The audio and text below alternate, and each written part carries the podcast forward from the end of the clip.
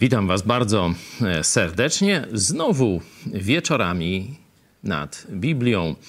Tak zaczęliśmy kilka miesięcy temu, wtedy jeszcze codziennie, e, ale kontynuujemy troszkę rzadziej, ale myślę, że każdy, kto już przywykł do tej formy spędzania kilku wieczorów w tygodniu, e, lekcje E, godzinę lekcyjną, czyli 45 minut nad Biblią, no jest już, e, można powiedzieć, troszkę od tego uzależniony. My też e, dzisiaj jako bonus będą trzy piosenki, których wczoraj nie zdążyliśmy zaśpiewać, tak jak prosiliście. Także ci z was, którzy będą chcieli sobie jeszcze pośpiewać, to zapraszam na koniec. E, dzisiaj będziemy kontynuować drogę morską apostoła Pawła i zobaczymy dziwną sytuację. Z jednej strony apostoł Paweł będzie ostrzegany przed tym, co się wydarzy. I nie będą to przyjemne rzeczy. Z drugiej strony zobaczycie, co zrobi, wiedząc, jaka będzie przyszłość. Ale o tym za chwilę. Najpierw kilka słów zachęty od Was. Sunday Driver, jak wieczór z Biblią, to i poniedziałek da się lubić. o tak, dzięki za te słowa. Poniedziałek to jest mm, dla, dla mnie szczególnie no, ciężki dzień, bo y, dla y, pastorów niedziela jest jednym z bardziej takich wyczerpujących dni. Y, stąd poniedziałek to tak człowiek czeka na, no kiedy ta niedziela, no a tu już poniedziałek i nowy tydzień. Także cieszę się, że i wy też doświadczacie takiej zachęty z takiego już, można powiedzieć, trochę na luzie wieczornego spotkania razem nad Biblią. Jeszcze kilka głosów z wczorajszego nauczania. Piotr Lipiński. Super mega nauczanie. Takiego czegoś brakowało, w szczególności, że oglądała to moja rodzina. Widziałem, że dotarło do wszystkich. Starałem się, żeby przekaz był prosty. No bo i zasady są proste trudniejsze ich jest ich przestrzeganie. No cieszę się, że nie było to tylko nauczanie do chrześcijan, ponieważ ten y, porządek Boży, y, on, można powiedzieć, jest też odbierany przez świat. Nie? Że ludzie wiedzą, że tak powinno być. Nie zawsze tak mają, czy powiem, często mają dokładnie odwrotnie, ale tęsknią za Bożym porządkiem. I cieszę się, że mogliśmy się razem pochylić i no, dość tak wyraźnie, ostro przypomnieć, jakie są Boże standardy, jaka jest Boża wola. Ludzie, którzy tęsknią za dobrem, nawet jeśli jeszcze nie znają Jezusa Chrystusa, odpowiedzą na to, także da Bóg, będzie z tego jakiś jeszcze dalszy ciąg w waszych rodzinach, a może i część z waszych bliskich przyjdzie do Jezusa Chrystusa. Piotr Setkowicz, gdyby to nauczanie wcielono w życie, Polska byłaby całkiem inna. No, Piotrze, widzę, że trzymają ci się różne myśli głowy. No, rzeczywiście, Boży porządek to jest Boże błogosławieństwo. Polska w wielu dziedzinach postawiona jest na głowie. Dzisiaj mówiliśmy też o tym na e, programach tych politycznych o 13, mm, o 18 szczególnie, gdzie świnie nawiedziły nasze studio. No już lepiej świnie niż spora część polityków z wiejskiej, a wieczorem o 19, całkiem niedawno, mieliście po raz pierwszy historyczną chwilę, mieliśmy news, newsy, czyli wiadomości już takie na wypasie. E, to jest e, próba wejścia z nowym programem i bardzo Was proszę o wsparcie naszych wysiłków, żeby rzeczywiście to się przebiło, żeby nie tylko królowały katolicko-komunistyczne, tak zwane wiadomości wieczorne w przeróżnych telewizjach i polskich domach, niestety, ale żeby wiadomości dla Polaków przebiły się do kogo? No, do Polaków. Tyle? Ktoś się pomodli przed naszą lekturą?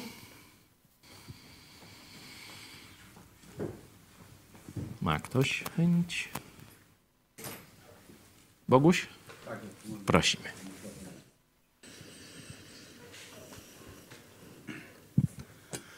Kochany Panie, dziękujemy Ci, że pozwoliłeś nam ponownie się zebrać dzisiaj, aby wysłuchać kolejnych wersów Twojego słowa, które nam pozostawiłeś. Dziękujemy Ci, Panie, że możemy czerpać z Twojej ogromnej mądrości. Dziękujemy Ci, Panie, że możemy czerpać też z Twojej dobroci i z Twojej litości, jaką nam okazałeś, posyłając swojego Syna na krzyż, aby umarł niewinnie za nasze grzechy, abyśmy my dzisiaj mogli radować się tym wszystkim, co nas otacza, tym wszystkim, co stworzyłeś dla nas, tym pięknym światem.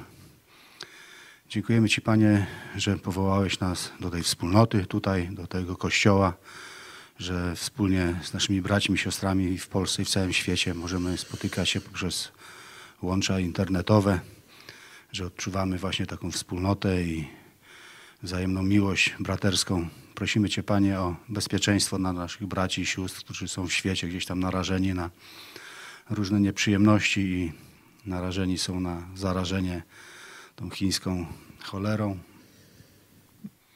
Prosimy Cię, Panie, byś dbał o naszych braci i nasze siostry, których bardzo kochamy, za którymi tęsknimy i mamy nadzieję, że pozwolisz nam kiedyś wszystkim spotkać się i radować się tym, że jesteśmy Twoimi dziećmi.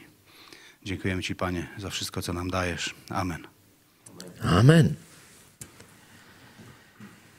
No to w drogę mieliśmy pożegnanie ze starszyzną z Efezu. Tam szczególnie no, wielki żal pojawił się, kiedy Paweł powiedział, że już więcej go nie zobaczą. Wręcz e, w 37 wersecie 20 rozdziału mamy, że rzucali mu się na szyję, całowali go, bolejąc szczególnie nad e, tymi słowami, które wypowiedział, że już nigdy go tu na ziemi nie zobaczą. Ruszają na statek. Widać, że przynajmniej w tej podróży misyjnej statek to prawie drugi dom apostoła Pawła. E, co kilka dni gdzieś różne przesiadki. Dzisiaj będziemy o tym e, czytali. E, apostoł Paweł w dzisiejszym czytaniu dotrze już do Jerozolimy. Czy mogę poprosić mapę, żebyśmy jeszcze tam zerknęli? O, dziękuję bardzo. Gdzie mieliśmy Byliśmy w okolicach Efezu, ale Paweł minął tym razem Efez i poprosił, żeby starsi z Efezu przybyli do Miletu. Nie? I teraz będzie wracał do e, swoich, można powiedzieć, ojczystych ziem. I tu ciekawostka. E, myśleliśmy, że zawinie do Antiochii. Nie? Bo tu zaczynał swoją pierwszą wyprawę misyjną, tu też kończył pierwszą i drugą, trzecią też. Nie? Myśleliśmy, że przynajmniej w drodze do Jerozolimy zatrzyma się w tej Antiochii y, syryjskiej i dopiero stąd, tak jak kiedyś, ruszy do Jerozolimy. Sytuacja, jak widzicie, nawet na mapie, tu ten zielony kolor, tu się y, zmienia i y, widzimy, będzie też opis, że właśnie mijają Cypr. Tu celowo jest pokazane po lewej stronie, bo jakby płynęli do Antiochii, to Cypr by mijali po prawej stronie. Czyli zobaczcie, nawet takie szczegóły żeglugi są opisane. E, będzie też mowa o tym, u kogo gościli po drodze. No i skończymy w Jerozolimie, zadając sobie pytanie, dlaczego właśnie taki, można powiedzieć, czy pośpiech, czy taka zmiana planów i dlaczego pomimo ostrzeżeń apostoł Paweł jedzie, można powiedzieć, prosto w paszczę lwa. A gdyśmy, gdyśmy się z nimi rozstali i odpłynęli, jadąc prosto, przybyliśmy do Kos, nazajutrz zaś na Rodos, a stąd do Patary. I znalazłszy statek, który płynął do Fenicji, wsiedliśmy nań i odpłynęliśmy. Kiedy zaś dostrzegliśmy Cypr, zostawiliśmy go po lewej stronie i popłynęliśmy do Syrii i wylądowaliśmy w Tyrze. Tam bowiem miano wyładować ze statku towar. I odszukawszy uczniów, pozostaliśmy tam siedem dni, a niektórzy za sprawą ducha mówili Pawłowi, żeby nie szedł do Jerozolimy. Lecz kiedy nasz pobyt się skończył, wyruszyliśmy i udaliśmy się w drogę. a wszyscy wraz z żonami i dziećmi towarzyszyli nam aż za miasto, a patrzy na kolana na wybrzeżu, modliliśmy się i pożegnali wzajemnie. Potem wsiedliśmy na statek, a tamci wrócili do domów. Tu już jesteśmy, tak jak widzieliśmy, już blisko. Poproszę jeszcze raz mapę. Już jesteśmy blisko. To jest, można powiedzieć, południowa e, Syria, Damaszek, tu Tyr, ten port. No i już widzicie do e, Jerozolimy, no już bardzo blisko, już rzut beretem. Ciekawostka, zobaczcie, że już wszędzie po drodze, to już zauważyliśmy wcześniej, ale tu znowu to się będzie powtarzało. Wszędzie już są rozbudowane społeczności chrześcijańskie, rozbudowane kościoły. Nie? To już nie jest jeden, jedna, dwie osoby, to już nie są miejsca, gdzie apostoł Paweł rozpoczyna służbę i dopiero głoszona jest Ewangelia. Tu już kościoły funkcjonują, są skomunikowane ze sobą, zaraz też zobaczymy, że odwiedzają się nawzajem. Tutaj też są powiadomione o tym, co się dzieje. Apostoł Paweł, choć starszyznie efeskiej mówił to, co czytaliśmy i było to mm, opisane, to przemówienie szczegółowo, tu prawdopodobnie coś podobnego powiedział. Nie? Znamy już tylko reakcję, że oni idą za nimi aż na statek, płaczą. Y, tu taka ciekawostka. Zobaczcie, y, że oni wszyscy, czyli kto? Mężczyźni. Nie? Zobaczcie, że wszyscy wyruszyli wszyscy i zabrali ze sobą żony i dzieci. To był ten punkt odniesienia. Często mówiliśmy o tym, że kiedy liczbę nawróconych podawano, podawano e, głównie czy często samych tylko mężczyzn. Tu znowu mamy e, taki, e, można powiedzieć, taki obraz, że mężczyźni są wymienieni i czymś niezwykłym jest, że wszyscy, nawet z żonami i z dziećmi, trochę mówiłem o tym wczoraj e, na nauczaniu, można sobie to odświeżyć, jak ktoś chce, ale chciałem zwrócić na ten taki, mm, powiedzmy, społeczny aspekt, czyli jak wyglądało życie społeczne tamtego kościoła Kościoła. Jest tutaj ciekawostka. Po raz pierwszy to się jeszcze powtórzy, ale już zauważmy w wersecie czwartym. A niektórzy za sprawą ducha mówili Pawłowi, żeby nie szedł do Jerozolimy. W tym sensie mówili, że tam go będzie czekało nieszczęście, że tam będą go czekały prześladowania. A on, no co robi? Będziemy to widzieć, ale domyślamy się. W Tyrze pożegnanie wsiadają na statek, płyną dalej na południe, żeby potem drogą lądową już dojść do Jerozolimy. My zaś, ukończywszy podróż morską z Tyru, zawinęliśmy do Ptolemajdy i pozdrowiwszy braci, pozostaliśmy u nich przez jeden dzień. Znowu kolejny kościół, kolejne miasto, kolejny port, kolejna wspólnota. Paweł z nimi pozostaje. Raz to jest kilka dni, tydzień, raz nawet, widzicie, tylko jeden dzień. Wyruszywszy zaś nazajutrz, przybyliśmy do Cezarei.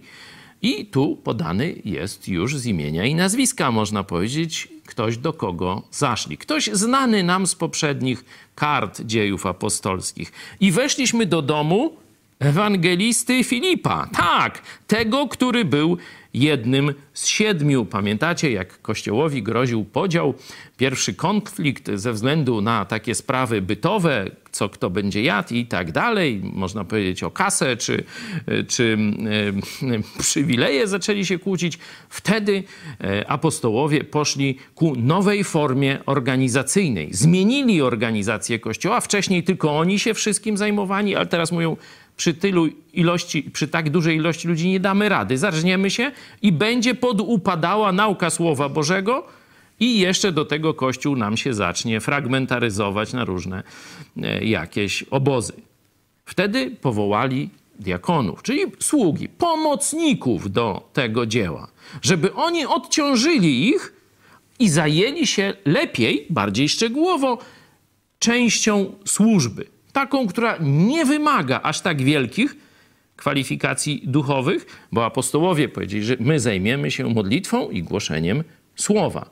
A ci choć nie wymagało to takich kwalifikacji duchowych, to jednak wymagało jakichś i te kwalifikacje tam są mm, wymienione, że byli to pełni ducha, pełni mądrości i później mieliśmy właśnie Filipa w akcji, kiedy on był używany przez Boga do ewangelizacji. O tym na poprzednich y, spotkaniach, a na wcześniejszych kartach y, i wcześniejszych rozdziałach dziejów apostolskich można przeczytać. Do tego Filipa przychodzimy. Wiemy, że Duch Święty go tam e, postawił. Teraz zobaczymy życie rodzinne, bo on nie żył w celibacie. No, tu takie usłyszałem poruszenie. Jak to? Diakon nie żył w celibacie. No i to nawet dość tak porządnie nie żył w tym celibacie, bo dziewiąty werset i zatrzymaliśmy się u niego, a miał on cztery córki, dziewice, które prorokowały. Czyli widać, że te córki były bardzo mocno zaangażowane w służbę, e, w służbę tamtejszego e, kościoła. A gdy przez dłuższy czas tam pozostaliśmy, zobaczmy, że e, tutaj już nie jest jeden dzień, tu nie jest kilka dni, tu podejrzewam dłuższy czas, no to jest gdzieś około kilku tygodni, miesiąc, może nawet więcej. Nie? A gdy przez dłuższy czas tam pozostawaliśmy, nadszedł z Judei, prawdopodobnie z Jerozolimy, bo Judea nie jest znowu aż tak e, wielka, e, pewien prorok imieniem Agabus. Mm, to gdzieś tak, no powiedzmy, dzień, dwa drogi mogło być. E, także mm, biorąc pod uwagę, że to wieść musiała dojść tam do Jerozolimy, on tam musiał się jakoś ogarnąć i wrócić. Stąd sugeruję, że kilka tygodni e, apostoł e, Paweł tam przebywał. Dzień, dwa drogi, może trzy, w każdym razie dość blisko stosunkowo. Przychodzi ten prorok, też jest wymieniony z imienia Agabus i przyszedłszy do nas, tutaj znajduje, mamy opis bardziej szczegółowego działania tego proroka. Zobaczcie, że użył on nie tak jak wcześniej e, w Tyrze, tam mu mówili pod wpływem ducha, pamiętacie ten czwarty werset, żeby nie szedł do, do Jerozolimy.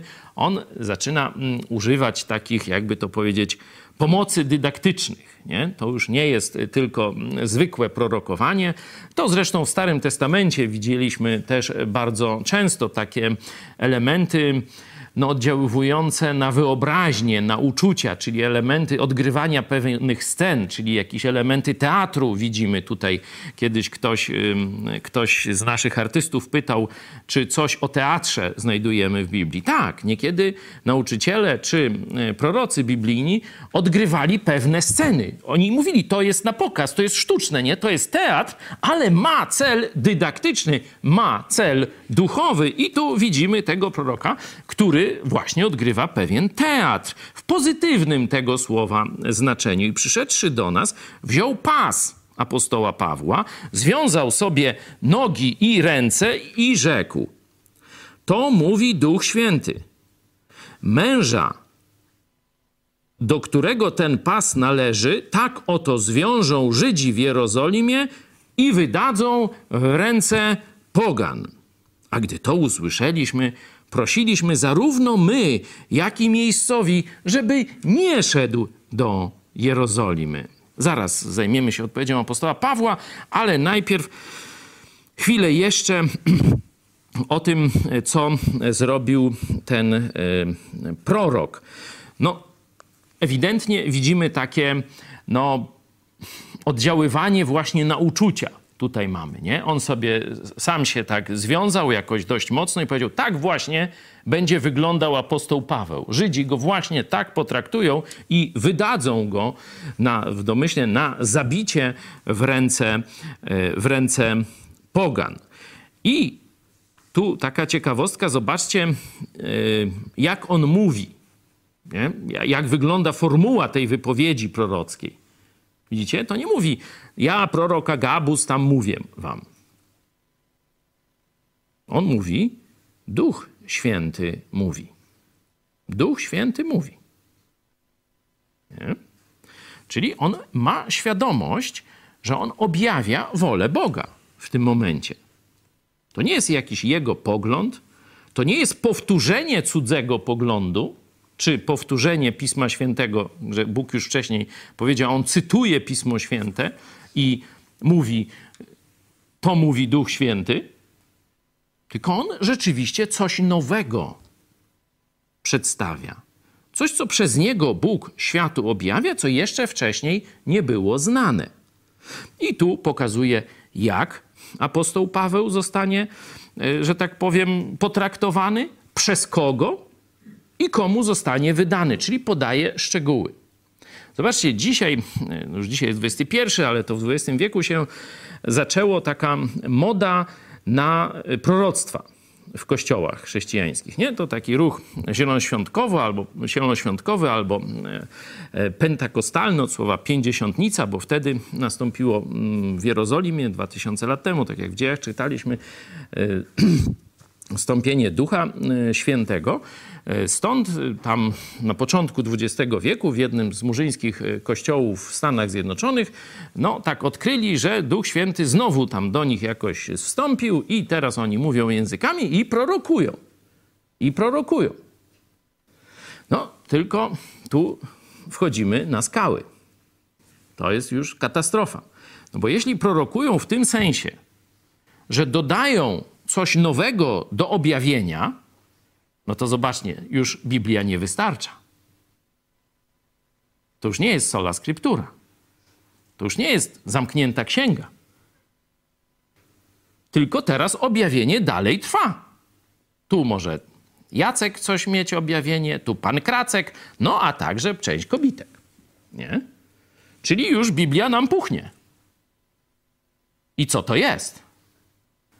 No, biblijni chrześcijanie, ci, którzy stoją na gruncie tego, że tylko Słowo Boże, że Bóg przemówił w czasach apostolskich, wtedy powstał Nowy Testament i nic już nie można od niego ani odjąć, ani dodać. To mówią, no to wy się nie różnicie od Kościoła rzymskokatolickiego, bo Kościół rzymskokatolicki nadał sobie takie prawo, że może coś dodawać do objawienia że Biblia to jest jedno, a oni mają ciągle przystęp do Boga e, przez Ducha Świętego i tam on działa przez papieży i ten urząd nauczycielski Kościoła i oni mogą nowe prawdy dodawać albo odejmować, no jak tam ich duch, jak twierdzą, pokieruje. Tak na przykład wprowadzono celibat ponad, grubo ponad tysiąc lat y, od czasów Jezusa Chrystusa. Także rozumiecie, nie ma to nic wspólnego y, z Biblią. Zresztą w innych tych takich y, kościołach z czasów pierwszego, trzeciego, piątego wieku nie ma żadnego celibatu. To jest jakiś, jakiś, wiecie, wymysł. Nie ma obowiązkowego celibatu. Jest celibat celibat dobrowolny. Kościół katolicki na podstawie tego swojego objawienia na przykład ogłosił dogmaty e, maryjne o niepokalanym poczęciu i w niebo wstąpieniu, czyli wiecie, tak samo jak Jezus, że Maria ma te same cechy co Jezus. Wiecie, kiedy to się ogłosiło? Katolicy. Jeśli nie słuchaliście biblijnego nauczania, to spadniecie z krzesła. Dwa tysiące lat po Chrystusie Kościół katolicki dostał z nieba rzekomo, y, bo tu raczej należy wątpić, takie objawienie i ogłosił te swoje dogmaty. Jeden w połowie XIX wieku, a drugi dopiero w połowie XX wieku. Tak, tak, no najstarsi górale to już wtedy żyli.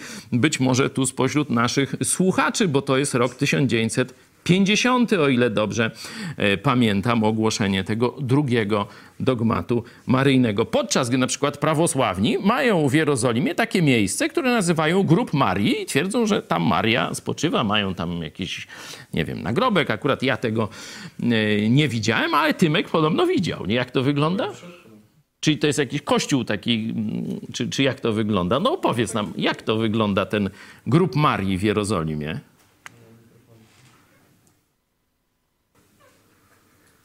Wygląda tak samo jak y, ten tak zwany grób Jezusa w, w, tym, w tej głównej świątyni w Jerozolimie, czyli to jest taka skorupa jakby y, bardziej, y, wygląda to z zewnątrz bardziej jak jak wlepianka taka, tak? Bo oni twierdzą, że po prostu to, ten grób w skale oskubali tak jakby z zewnątrz mhm. i, zostawili została... tylko, no, tylko tą komnatę. Także jak ja widziałem z zewnątrz te dwa groby, no to one wyglądają tak samo. Oczywiście ten prawdziwy grób Jezusa e, najprawdopodobniej to jest ten, który e, pokazywałem wam w takiej serii e, podróżniczej po Izraelu za murami Jerozolimy, za bramą e, damasceńską. Ale no tylko pokazuje, że w kościele mm, prawosławnym to absolutnie nie było, nie uznano tych dogmatów, a w XIX i XX wieku Kościół sobie takie dogmaty, twierdząc, że od Ducha Świętego właśnie dostał to objawienie i teraz światu tę prawdę Bożą. Co ciekawe, Kościół katolicki obwarował e, te dogmaty, że jak ktoś w nie nie wierzy, to nie może być zbawiony. Także no takie, naprawdę takie jazdy sobie robią z Boga. Tu mamy przykład autentycznego proroka. W kościołach zielonoświątkowych dzieje się dokładnie to samo, co w kościele rzymskokatolickim, że jakieś nowe prawdy się dodaje do e, Biblii, ale w tym momencie warto też, żeby nasi y, kochani bracia zielonoświątkowcy sobie uzmysłowili, że tak jak są kulty e, chrześcijańskie, jak na przykład adwentyści dnia siódmego, którzy mówią, jest Biblia, ale są i proroctwa Ellen White. Nie? Czyli dodatkowe księgi, tak jak Mormoni. Jest Biblia, ale ten anioł Moroni przyszedł i dał tam e, temu jakiemuś tam Smithowi czy jakiemuś taką nową księgę i to jest dodatek do Biblii i tak dalej. Czyli każdy, kto twierdzi, że dzisiaj dodaje coś do woli Boga na równi z Pismem Świętym, po prostu odszedł od Biblii. Odszedł od chrześcijaństwa apostolskiego. Bo my uznajemy, że tylko apostołowie mieli taką zdolność spisania Biblii. Oczywiście w tamtym czasie apostolskim byli też prorocy i prorokinie, o których czytamy tu bardzo dosyć często, i oni również mówili, objawiając nową wolę Boga, część tej woli Boga zostało przez apostołów zapisana, na przykład to, co mówił tutaj prorok Agabus. W dzisiejszych kościołach zielonoświątkowych yy, zwykle te proroctwa wyglądają tak, że wstaje jakiś człowiek, robi tam duchową minę, czy taką w atmosferze takiej podniosłości to jest, cytuje jakiś fragment Pisma Świętego i mówi tam Pan przemówił, czy tam Pan do was mówi. No, no to prawda, ale on nie jest prorokiem, bo on cytuje cudze słowa. Ten prorok rzeczywiście mówił coś, co mu Bóg objawił. To było nowum, a nie powtarzanie cytatów z Pisma Świętego i przypisywanie tego sobie jako dar proroctwa. To jest wielkie oszustwo. Taki człowiek powinien zostać wyrzucony z kościoła za, e, można powiedzieć, bluźnierstwo przeciwko Bogu i jego świętemu słowu. No ale niestety toleruje się takie dziadostwo w coraz większej ilości kościołów, nad czym ubolewam, bo to, to e, ta plaga rozprzestrzeniła się nie tylko w kościołach zielonoświątkowych, ale weszła już nawet do e, takich poważnych kościołów zielonoświątkowych, jak, znaczy, przepraszam, chrześcijańskich, jak baptyści, czy inni, czy ewangeliczni chrześcijanie, już tam te praktyki zielonoświątkowe są, tak jakby to powiedzieć, no, przyzwalane, żeby tam utrzymać młodych, że to niby młodzi potrzebują takich cudów, niewidów. No u nas jakoś, że tak powiem, e, trzymamy się Biblii, to nam wystarcza i patrzcie, młodzi też przychodzą, a nawet więcej. To tak pod rozwagę tym, którzy uważają, że trzeba zdradzać Jezusa i Jego słowa, żeby młodzież zatrzymać w kościele. Jedziemy dalej do kluczowego pytania, co zrobi Paweł. W Tyrze było to niejasno powiedziane. Tutaj mamy już jasno. To już jest blisko. To jest kilkadziesiąt kilometrów. Wtedy Paweł odrzekł: Co czynicie? Płacząc i rozdzierając serce moje.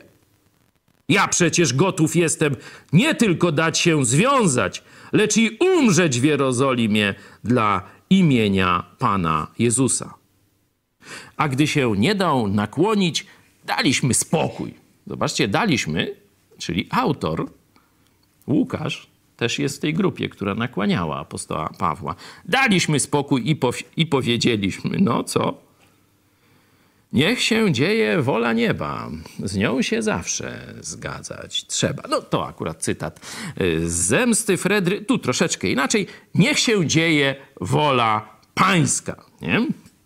Czyli no, rozumieją, że to, co Paweł robi, nie jest jego jakimś fixum dyrdum, ale że on pomimo tego, że wie, co go czeka w Jerozolimie, wie, że w ten sposób wypełni się wola Boga, że Jego Pan i Zbawiciel, Jezus Chrystus, także przez Jego cierpienie dozna chwały.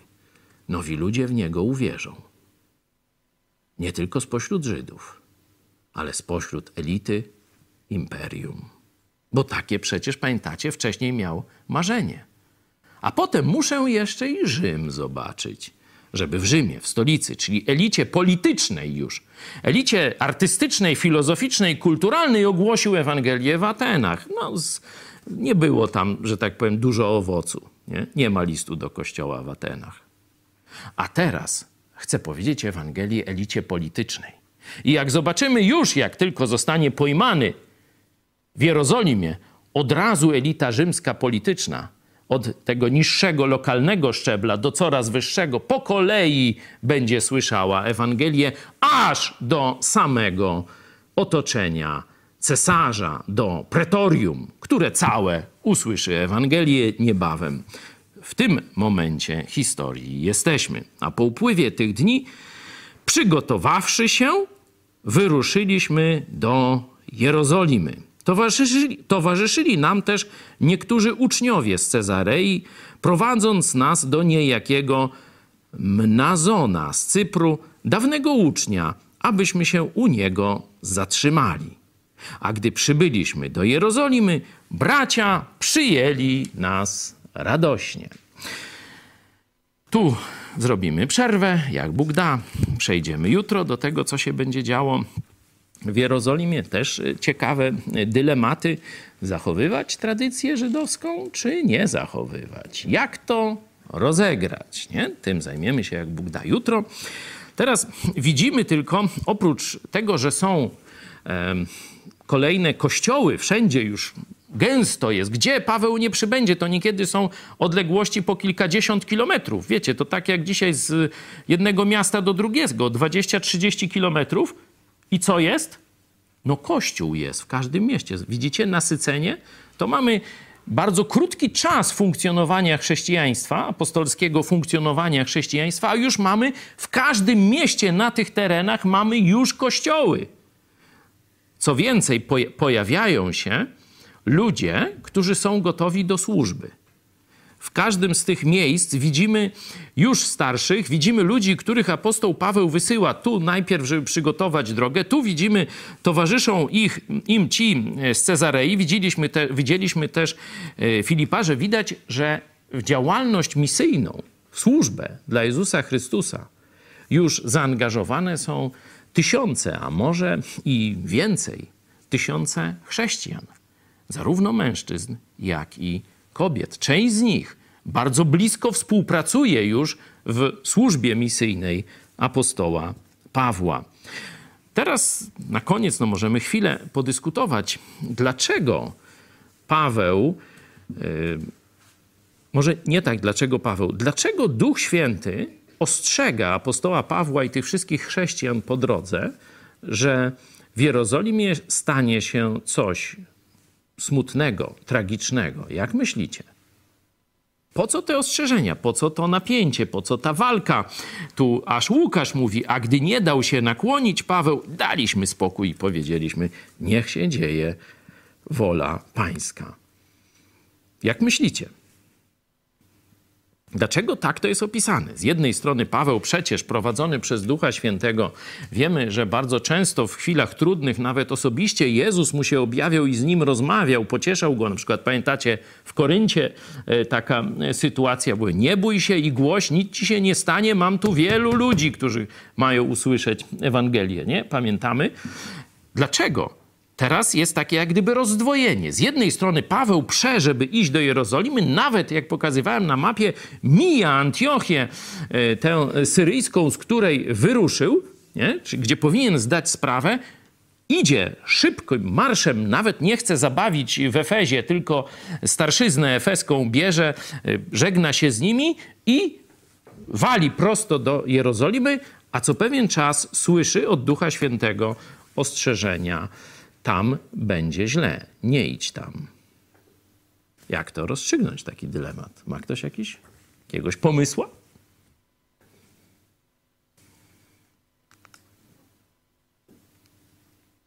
Może też jest to dla innych informacja, dla, że jak to się wydarzy, żeby nie myśleli, że to się stało coś strasznego, tylko że to e, Bóg nad tym ma kontrolę i wcześniej już wiedział, że tak będzie i Paweł wiedział, że tak będzie i z pełną świadomością tam poszedł, żeby nie robić tragedii. Widzimy, że jak Paweł zostaje pojmany, no to tam jakiejś tragedii później w Jerozolimie nie ma, tylko oni spokojnie ciągle przy nim są, e, czy później tam w tej Cezarei cały czas chrześcijanie są z Pawłem. Tak, ja dokona, dokonałem tu pewnego, e, pewnej interpretacji, która nie jest prawidłowa. Nie wiem, czyście to wychwycili.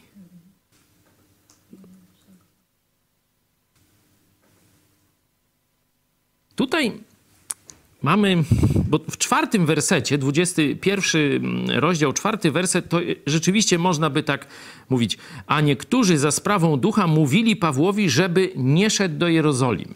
Nie? Czyli z jednej strony Duch Święty prowadzi go do Jerozolimy, a tu z drugiej strony Duch Święty by go przeciwnie. Nie? Wydaje się, że to jest pewne tu uproszczenie, a prawdziwy przekaz mamy w, tej, w tym szczegółowym opisie. Zawsze, kiedy mamy dwa opisy, jeden ogólny, a drugi szczegółowy, to żeby wejść w kontent, w treść tego, co bierzemy, ten ogólny czy ten szczegółowy. No oczywiste jest, że ten szczegółowy. I tu mamy taką właśnie sytuację i myślę, że Duch Święty, precyzyjnie mówiąc, Duch Święty mówił, co będzie w tej Jerozolimie. A ludzka interpretacja chrześcijan była nie idź. No bo ci kierowani przez Ducha Świętego, ci prorocy mówili, będzie bardzo źle. Będzie groźba śmierci. Będą zasadzki, spiski i prawie morderstwo przez hejterów, przecież tam pamiętacie, ilu? 40 się chyba zaraz namówi, żeby zabić apostoła Pawła, powiedzieli, że nawet nie będą nic jeść. Ciekawe, czy, zde, czy, przepraszam, ta dieta im wyszła na zdrowie. Nie wiemy, Biblia milczy na ich temat. Nie? Czyli mamy objawienie od Boga, że będzie bardzo źle. A ludzka interpretacja jest nie idź. Tak sobie wyobrażam, bo zobaczcie, ten prorok mówi o tym, co będzie, że tego męża, do którego ten pas należy, tak zwiążą Żydzi w Jerozolimie i wydadzą poganom. Kropka. To jest koniec objawienia. A teraz ich interpretacja jest, aha, no to jeśli ci to grozi, jeśli Bóg nas ostrzega przed tym, no to jest znak, żebyś tam nie szedł. Mówi, nie, przestańcie mnie denerwować, mówi w trzynastym. Widać, że tu jest już e, no, taka mowa bardzo dynamiczna, bo zobaczcie, co czynicie, płacząc i rozdzierając serce moje? Nie? Tu robi taki, no, pretensje ma do nich i ostro to, to jest powiedziane, o nie, co czynicie, drodzy bracia, nie, tutaj widać, że on mówi, no przestańcie już to robić, nie? To jest ostre wypowiedzenie i mówi, ja przecież gotów jestem nie tylko dać się związać, lecz i umrzeć w Jerozolimie dla imienia Pana Jezusa. Ważne byśmy właśnie z tej lekcji pamiętali. Co innego jest objawienie, a co innego jest nasza interpretacja. Tutaj widzimy właśnie tę, e, że tak powiem, błąd, że tu oni złą interpretację i to wszyscy razem, nawet mówię, e, autor dziejów apostolskich Łukasz. Nie? Apostoł Paweł wyciąga właściwą interpretację. Tak, wiem, że tak będzie. Tak jak wcześniej mnie sam Jezus upewniał, że teraz mi się nic nie stanie, tak teraz upewnia go, że się stanie. Po pierwsze, żeby był przygotowany. Wiecie, kiedy spada cios, a człowiek jest przygotowany, no to jakoś go zamortyzuje, lepiej przeżyje i tak dalej. Kiedy idzie i myśli, że wszystko jest fajnie, a tu łup, no to wtedy jest tragedia. Wtedy może nawet fiknąć i nakryć się nogami. Nie? To jest pierwsze zastosowanie. A drugie, to co Tymek powiedział. Bóg chce, aby ci chrześcijanie wiedzieli, że to jest człowiek, który dobrowolnie idzie do Jerozolimy. Pamiętacie, ktoś tam dobrowolnie? Może wcześniej poszedł do Jerozolimy, wiedząc, co się stanie? Macie, pamiętacie, jak miał na imię? A można lepiej powiedzieć, jak ma na imię? Bo żyje? Zobaczcie, że to samo zrobił Jezus Chrystus dla nas.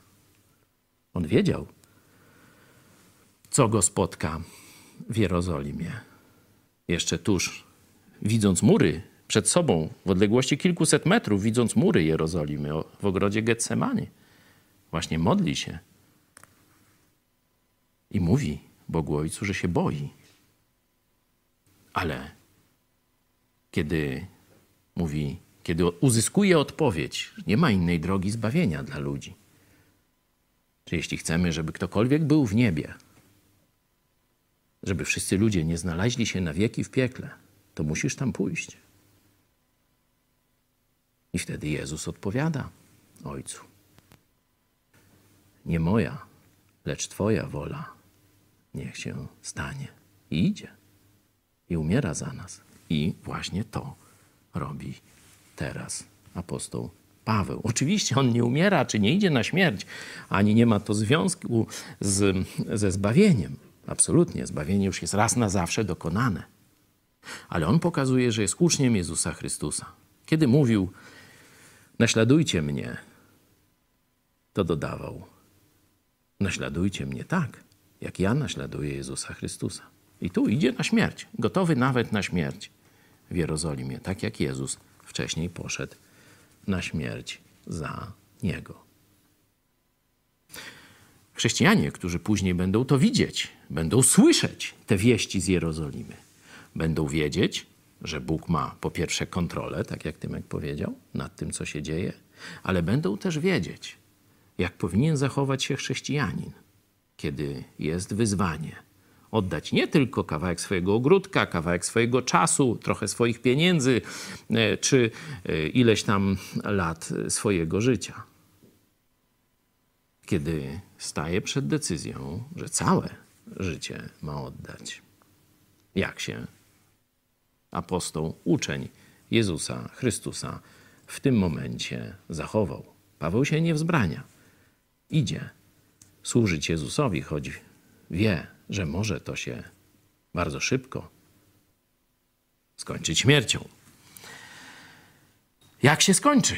No to przeczytamy jutro, a ci z Was, którzy są bardziej ciekawi, mogą sobie dzisiaj jeszcze do samego rana czytać kilka razy i dalsze księgi. To rzeczywiście wciąga. Czytanie Biblii uzależnia.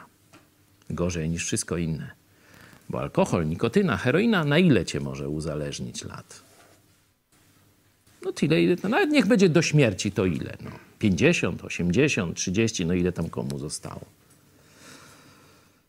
A czytanie Słowa Bożego, obcowanie ze Słowem Bożym to na wieczność uzależnia. Także ostrzegam lojalnie, żeby nie było, że nie mówiłem. Zaśpiewamy? Mamy trzy piosenki z wczoraj jeszcze dobrze. Zacznijmy od numer 172. To jest przeogromna ziemia.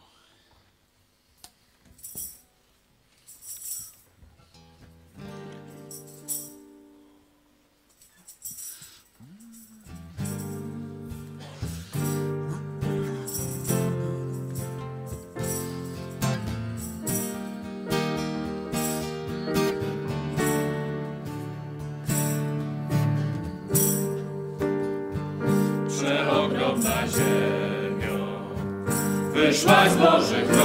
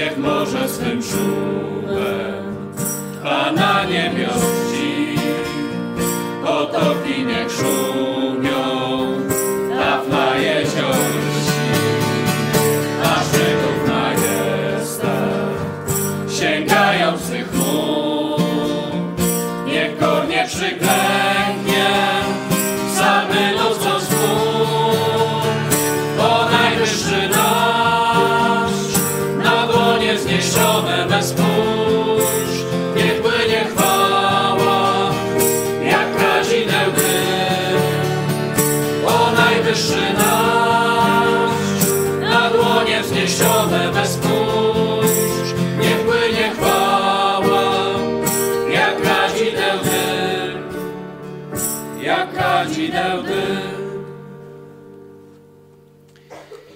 Mamy jeszcze prośbę o piosenkę numer 58. To jest Boże, Ty jesteś mocą i zbawcą duszy mej.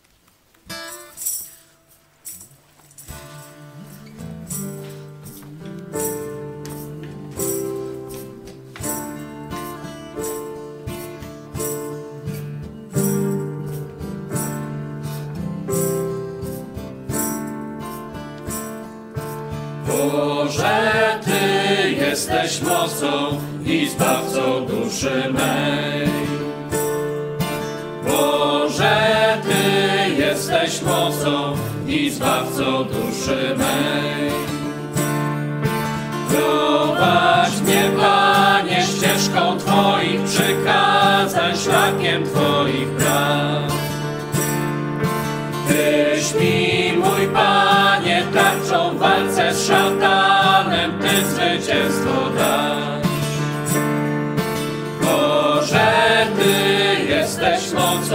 I zbawcą duszy mej. Boże, Ty jesteś mocą i zbawcą duszy mej. Oświeć mi drogę światłem Twojej nauki, ukaż życia cel. Podaj mi rękę, kiedy przyjdzie rozstanie, rosną szczęściem star. Boże, Ty jesteś mocą i zbawcą duszy mej. Boże, Ty jesteś mocą i zbawcą duszy mej. Tyś jest,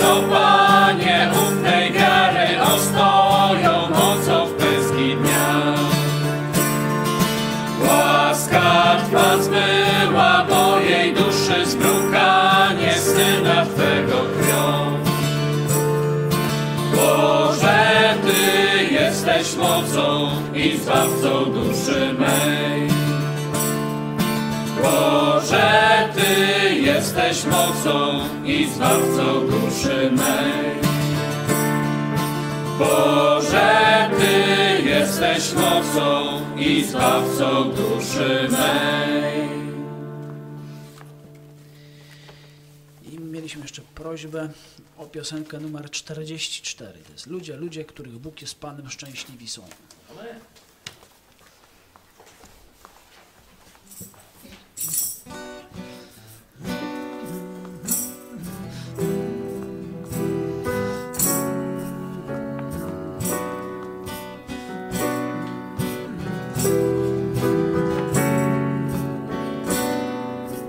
Ludzie, ludzie, których Bóg jest Panem, szczęśliwi są.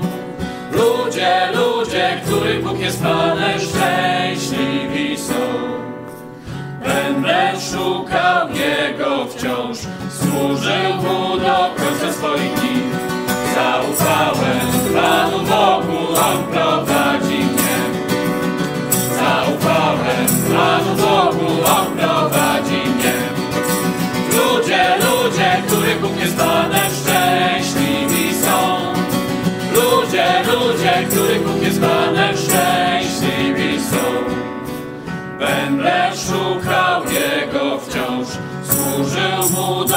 końca swoich dni.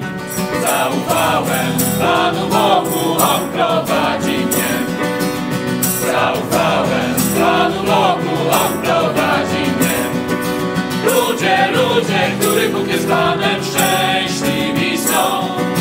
Ludzie, ludzie, których Bóg jest Panem, szczęśliwi są. Będę szukał Jego wciąż, służył Mu do końca swoich dni. Zaufałem Panu Bogu, On prowadzi mnie. Zaufałem Panu Bogu, On prowadzi mnie. A na koniec pokażemy Wam, jak Bóg działał w tym miesiącu, który się niedawno skończył. Czyli pokażemy Wam taką, no już na wypasie, wersję newslettera, gdzie też będziecie mogli zobaczyć, jak to studio się tworzyło. To znaczy, ono się samo nie tworzyło. To ludzie też tu obecni pracowali ciężko żeby to wyglądało tak, jak teraz wygląda. Także, czy jesteśmy gotowi? Zapytam. Słucham? Zapraszam do wspomnień z działania Boga z ostatniego miesiąca. A jutro zapraszam na to, co będzie się działo w Jerozolimie. A będzie się działo. Do zobaczenia. Newsletter Mega Kościoła, sierpień 2020 roku. W tym miesiącu ruszyliśmy z nowym studiem. Wiele miesięcy pracy dało wspaniały efekt. Nasi widzowie i darczyńcy są bardzo dumni, że udało się nam osiągnąć poziom profesjonalnych telewizji, jeśli chodzi o jakość techniczną i scenografię nadawanych programów. Pierwszy program z nowego studia wyemitowaliśmy w setną rocznicę Bitwy Warszawskiej, kiedy polskie wojsko zatrzymało pod Warszawą pochód bolszewików na Europę. Z tej okazji odwiedził Polskę amerykański sekretarz stanu Mike Pompeo. Na żywo relacjonowaliśmy przebieg jego wizyty. Na setną rocznicę bitwy zrobiliśmy film Amerykanie w Bitwie Warszawskiej, upamiętniający polsko-amerykańskie braterstwo broni oraz udział pilotów amerykańskich w tej wojnie. Bóg też pobłogosławił nam kilkoma wywiadami ze znanymi gośćmi w naszym kraju, co pomaga nam przełamywać zmowę milczenia w katolicko-komunistycznej Polsce. Telewizji Idź Pod Prąd wystąpili europoseł Witold Waszczykowski, były minister spraw zagranicznych, dwóch posłów z różnych partii politycznych, a prywatnie ojciec i syn Andrzej i Dobromir Sośnierz, ksiądz dr Maciej Zięba, przyjaciel Jana Pawła II, działacz Solidarności i jeden ze znanych aktorów Piotr Cyrwus w ramach nowego programu kulturalnego. Uruchomiliśmy również nowy program dla przedsiębiorców. W naszej telewizji wystąpił po raz drugi Simon Cheng, były pracownik brytyjskiej ambasady w Hongkongu, torturowany więzień polityczny. Jako pokłosie zjazdu Wolność versus Komunizm ukazał się nowy numer magazynu Idź Pod Prąd w formie papierowej, który składa się ze 124 stron. Na okładkach umieściliśmy ilustrację Grety Samuel, prześladowanej przez chińskich komunistów. W związku z Międzynarodowym Dniem upamiętniającym ofiary aktów przemocy ze względu na religię lub wyznanie, opublikowaliśmy raport o dyskryminowaniu i prześladowaniu ewangelicznych chrześcijan w Polsce na przykładzie Kościoła Nowego Przymierza w Lublinie i telewizji Idź Pod Prąd. Niedawno dokonano kolejnego ataku na jednego z członków naszego kościoła, którego samochód uległ spaleniu. Po raz kolejny prokuratura udaje, że nic się nie stało. Raport jest dostępny również w języku angielskim. Będziemy wdzięczni za rozsyłanie tego raportu do instytucji dziennikarzy zajmujących się problematyką wolności religijnej na całym świecie. Niestety media w Polsce mówią jedynie o błahych sprawach w tym obszarze.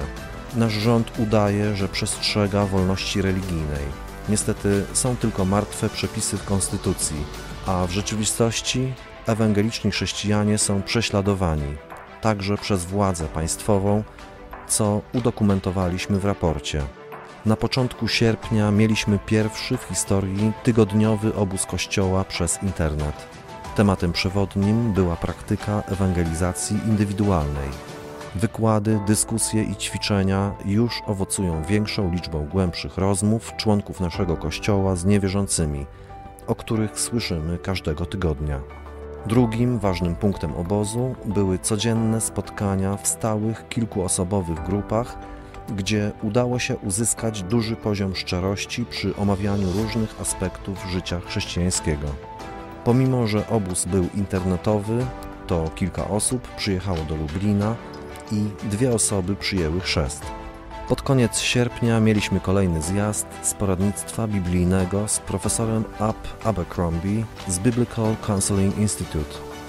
Tym razem zajęliśmy się doradzaniem rodzinom.